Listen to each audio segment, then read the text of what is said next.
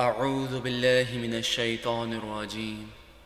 بسم الله الرحمن الرحيم. أرأيت الذي يكذب بالدين؟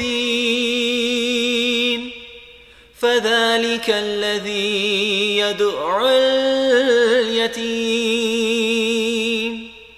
ولا يحض على طعام المسكين. فويل للمصلين. الذين هم عن صلاتهم ساهون.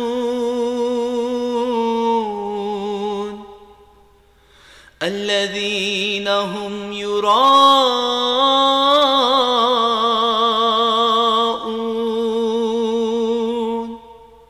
ويمنعون